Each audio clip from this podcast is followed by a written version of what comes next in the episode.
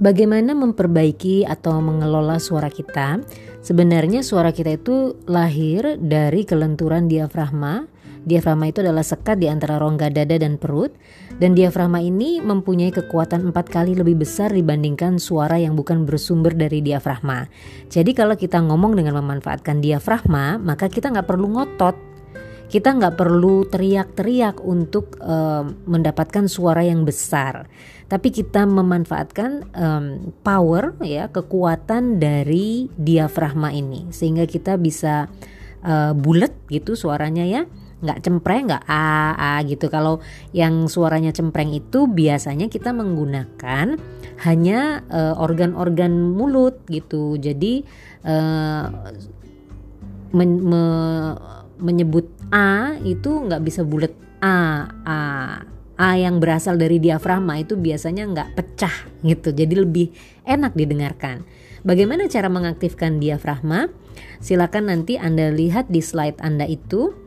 Uh, saya cantumkan sebuah gambar bagaimana kita seharusnya berdiri Cara berdiri kita itu sikapnya harus sempurna. Kalau seorang reporter atau presenter, sebaiknya Anda berdiri dengan uh, sikap sempurna, nggak nggak melengkung, perutnya nggak ditarik gitu ya. Kalau duduk nggak losor gitu, itu adalah sikap sempurna.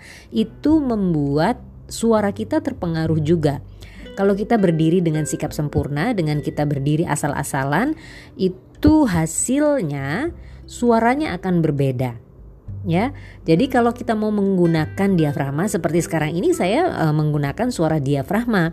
Saya akan menggunakan rongga perut saya untuk mendorong suara dari dalam tubuh saya. Jadi tidak mengandalkan rongga mulut saja. Kalau misalnya saya menutup mulut seperti sekarang ini ya, seperti sekarang ini saya sedang menutup mengatupkan bibir. Tapi suaranya tetap terdengar. Seperti saya mangap mangap ya.